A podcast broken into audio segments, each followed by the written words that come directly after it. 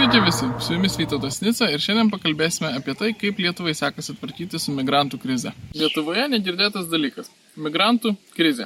Beveik visą praėjusį dešimtmetį vykusi e, senosiose ES valstybėse dabar jį visiškai netikėtai atėjo ir į Lietuvą. Kai pastarai savaitgalį pranešė Delfi, e, Lietuvos sieną jau kirto šiais metais 507 nelegalus migrantai Tai yra daugiau negu šešis kartus daugiau nei per visus 2020 metus. Iš tiesų, Lietuvai iš Baltarusijos plūsta Lietuvai rekordinis migrantų skaičius. Jie iš karto pademonstravo savo agresyvų nusiteikimą. Pirmomis dienomis pabradės užsieniečių registracijos centre sukeldami riaušės, kuriuose įsitraukė apie 70 irakiečių. E, nepanašu, kad Lietuva žinotų, ką su visu tuo daryti. Absoliuti dauguma migrantų yra iš Irako, dalis yra taip pat ir iš kitų Azijos šalių, o pastaruoju metu prasidėjo migracija ir iš Afrikos šalių, tokių kaip Gambija, e, Marokas, Gvinėja, Somalis, Egiptas ir kitos. Irakiečiais dažniausiai prisistato asmenys neturintys asmens dokumento, jais reikia tiesiog pasitikėti. Visi jie prašosi prieglopščio. Koks jų tikslas ir ko jie nori? Jie nori ne pasilikti Lietuvoje, bet per Lietuvą kaip ES laisvosios judėjimo erdvės šalį patekti į išsvajotasias šalis, tokias kaip Vokietija ar Švedija. Būtent dėl to kilo ir riaušės pabradėje. Nelegalai reikalavo, kad reikia juos leisti į Švediją, o ne priversti gyventi Lietuvoje. Lietuvoje likti jie nenori, jiems pažadėta Švedija. Kaip šie žmonės pasiekė Lietuvą, kurios dėl akivaizdžių geografinių priežasčių negalėjo pasiekti anksčiau?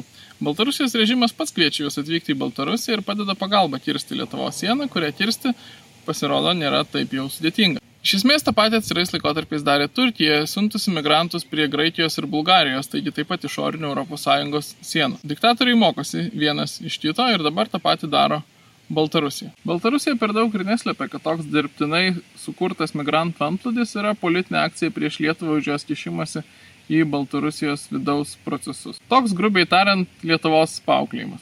Lietuvos pasieniečiai netgi kameromis užfiksavo, kaip Baltarusijos pasieniečiai maskuoja nelegalių migrantų pėdsakus, padeda jiems atvykti iki sienos, na ir teikia visokią kitokią pagalbą. Beje, tuo pačiu pastaruoju metu išaugo ir kontrabandos mastai iš Baltarusijos. Lietuva pirmosiomis naujo reiškinio dienomis labiausiai rūpinasi, kaip padėti e, prieglopščio prašantiems asmenims, kur juos apgyvendinti, kaip jais pasirūpinti. Natūralu, jog tam trūko logistinių ir kitokių pajėgumų. E, kitas klausimas, kaip sustabdyti jų srautą, kad jie apskritai nepatektų į Lietuvą, sprendžiasi daug lėčiau. E, nors pasitelkta kariuomenė ir sustiprinti pajėgumai pasienyje, principinė situacija nesikeičia, atvykstantis prie sienos pasiprašo prieglopščio ir jį gauna, o nėra apgrėžiami vykti atgal į Baltarusiją. Kadangi Lietuvos Baltarusijos siena yra kartu ir ES bei šiandieno erdvės išorinė siena, tai migrantų krizė prie Lietuvos sienos yra kartu ir visos ES problema. ES intensyviai sprendė tokio pobūdžio problemas praėjusio dešimtmečio viduryje, kai su migrantų krize susidūrė senosios ES šalis, migrantams plūstant iš pietų. E, tuo metu sukurta agentūra Frontex turėjusi visos ES mastu padėti e, ES išorinių sienų apsaugai ir bent to apsaugos darbo koordinavimui.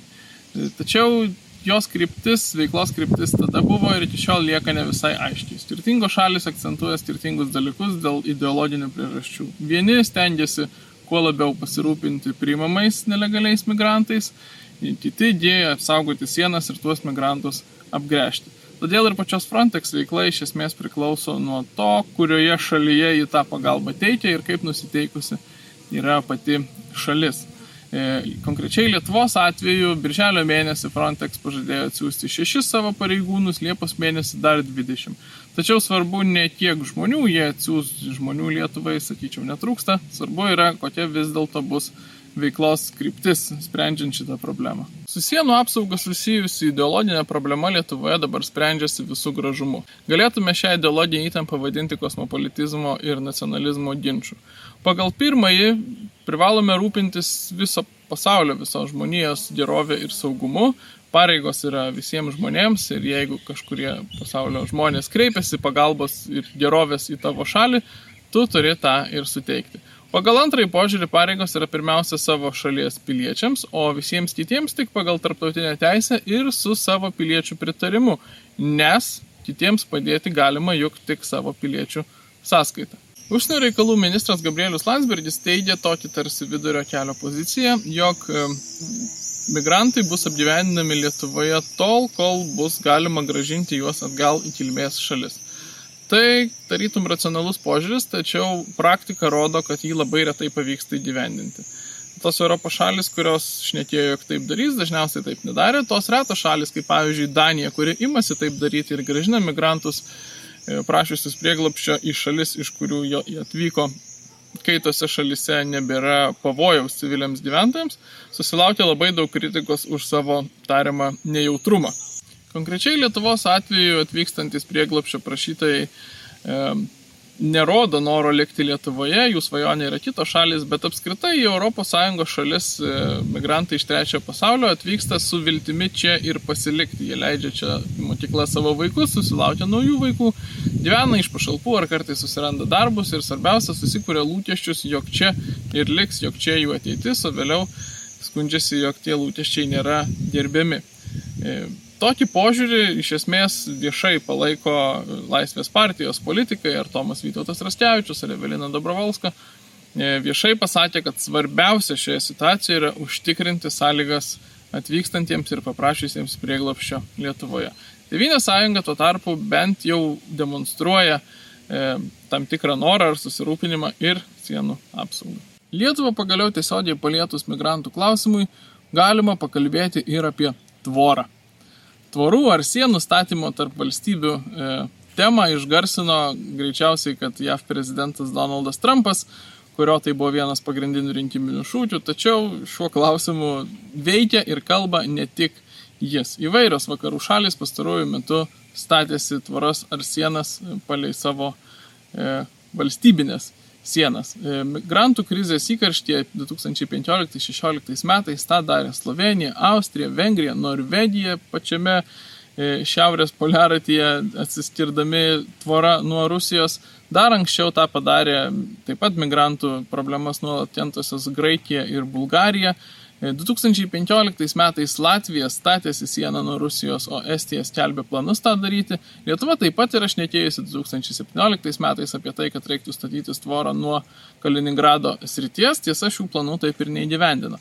Garsiausia siena, ko gero, yra stvėręs Izraelis, tačiau apskritai sienas statomos visose žemynuose, faktiškai nėra tokio žemyno, kuriame būtų skirtingos valstybės ir nevyktų sienų statybos per pastarąjį dešimtmetį. Nors daug kalba apie globalizuotą pasaulį, ar gal kaip tik ir dėl to, būtent pastaruoju metu sienų statoma daugiausiai. 21 amžiuje sienų statybos tik dažnėjo. E, Lietuvoje konkrečiai e, apie galimą sienos ar tiksliau tvoros statymą kalbama įvairiai. Seimo nacionalinio saugumo ir gynybos komiteto pirmininkas Laurinas Kaščiūnas apsilankęs Vengrijoje jos pasienyje, kur pastatyta tvora, ją gyrė ir sakė, kad tokios reikėtų ir Lietuvoje. E, konservatorių premjerė Ingrida Šimonytė išsakė skeptišką požiūrį, kad tvoros Lietuvoje nereikia. Tuo tarpu tokį vidurio kelią pasirinko už sienų apsaugą atsakinga vidaus reikalų ministrė Agnė Bilotaitė, pasakiusi, kad atskiruose ruožuose tvora Lietuvai būtų reikalinga, kitose ruožuose efektyviau būtų tiesiog skaitmeninės e, stebėjimo sistemos. Bet kuriuo atveju ten, kur būtų statoma siena, jeigu ji iš vis bus statoma, ji irgi turėtų būti derinama su skaitmeninėmis stebėjimo sistemomis. Masinė nelegali migracija į Europą praėjusį dešimtmetį aiškiai parodė, kad e, migrantų srautai neišvengiamai susiję ir su terorizmo problema, taigi iššūkiais viešajam saugumui. Kaip neoficialiai sako Lietuvos saugumo tarnybų veteranai, įsileidęs į šalį tūkstantį musulmonų, bet kuriuo atveju tarp jų įsileisi ir bent vieną teroristą. Oficialiai Britų saugumo tarnybos per pastarį dešimtmetį nekartą viešai sakė, kad kartu su migrantų srautais į Europą pateko ir ISIS šalininkų. ISIS buvo nugalėta, tačiau islamiškasis terorizmas egzistavo iki jos ir nebejotinai egzistuos toliau. Požiūris, kad e, musulmonai atvykstantis į Europos šalis, ar šiuo atveju konkrečiai pas mus į Lietuvą, yra tik būtini pagalbos ir nepavojingi eriukai, yra niekuo nepagristas ir neatsakingas. Masinė migracija Lietuvai yra ir saugumo problema. Savo agresyvius polinkius ir atsisakymą paklusti Lietuvos normoms, migrantai pademonstravo faktiškai iš karto. Visi Lietuvos sieną kertantis nelegalus migrantai prašosi Lietuvoje prieglopščio. Beveik ne vieno jų kilmės šalyje šiuo metu nevyksta karas ir prieglopščio prašytis jie neturi jokio pagrindo. Net jeigu karas vyksta, Lietuva nei vienam iš jų nėra pirma saudi šalis jų kelyje iki prieglopščio ir pagal tarptautinę teisę Lietuva neturi jokių pareigų būtinai priimti šių žmonių. Pareigas totis turi tik pirmoji saudi šalis jų kelyje. Šiuo atveju, kadangi juos atsiskraidina Baltarusija, tokia šalis ir yra Baltarusija. Baltarusija yra saudi šalis visiems įstyrus aktyviems e, jos režimo oponentams, taigi saudi šalis ir prieglapščio prašytojams iš kitų šalių. Lietuva neturi jokios pareigos priimti sieną kertančių prieglapščio prašytojų, ką jie besakytų. Reikia rasti drąsos ne tik sienos statyboms, bet pirmiausia principui, jog nelegalai šalyje nelaukiami ir nebus joje priimami. Pasirodo, kad būtent tokį principą priimti ir jo laikytis yra pats didžiausias iššūkis. Apibendrinkime. Lietuva apskritai neturėtų priimti nelegalių migrantų iš Baltarusijos ar bet kurių kitų šalių. Mažiausiai dėl trijų priežasčių. Pirma, juos įleidžiant, ideologinis pataikavimas migrantams ir atvirų sienų utopijai iškeliamas aukščiau už valstybės suverenumą ir tarptautinę teisę, pagal kurią kiekviena šalis yra suvereni ir laisva apsispręsti, ar priimti migrantus, ar net jeigu tai būtų pabėgėliai, tai pabėgėlius. Šiandien Lietuva tokios galimybės savo veiksmais tarytum atsisako. Antra, praleidžiant nelegalius migrantus visam pasauliui rodoma negalę užtikrinti ir apsaugoti savo sienas. Belieka tik džiaugtis, kad Lietuva neatsidūrė kaip Vengrija tikrųjų migrantų e, srautų kelyje ir nesusidūrė su šia problema visų jos mastu. O taip pat ir džiaugtis, kad mūsų diktatoriai kaimynai nesugalvojo panašių akcijų anksčiau. Trečia, užsienio politikos prasme leidžiame iš mūsų tyčiatis Aleksandrui Lukašenkai E, kuris, kaip tikrai visi suprantame, šią akciją e, nelegalių migrantų iš trečio pasaulio šalių siuntimą į Lietuvą mums primetė kaip tam tikrą bausmę ir pasityčiojimą užkišimasi į Baltarusijos reikalus. Ne tik nesugebame tam pasipriešinti, nepriimti migrantų, žaidžiame pagal mums Lukašenkos primestas taisyklės būtent taip, kaip jis norėjo, bet dar ir kariuomenė įtraukėme į tą Lukašenkos primesto žaidimo vykdymą.